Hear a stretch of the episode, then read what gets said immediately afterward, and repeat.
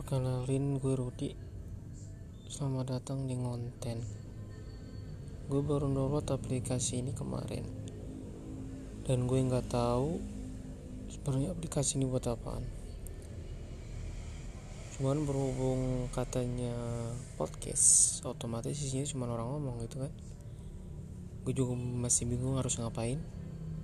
Tapi yang pasti gue bakal nyoba Ngikutin apa yang ada di aplikasi gue disuruh bikin episode disuruh bikin cerita apa segala macam gue bakal nyoba dan semoga aja banyak yang suka oke okay? see ya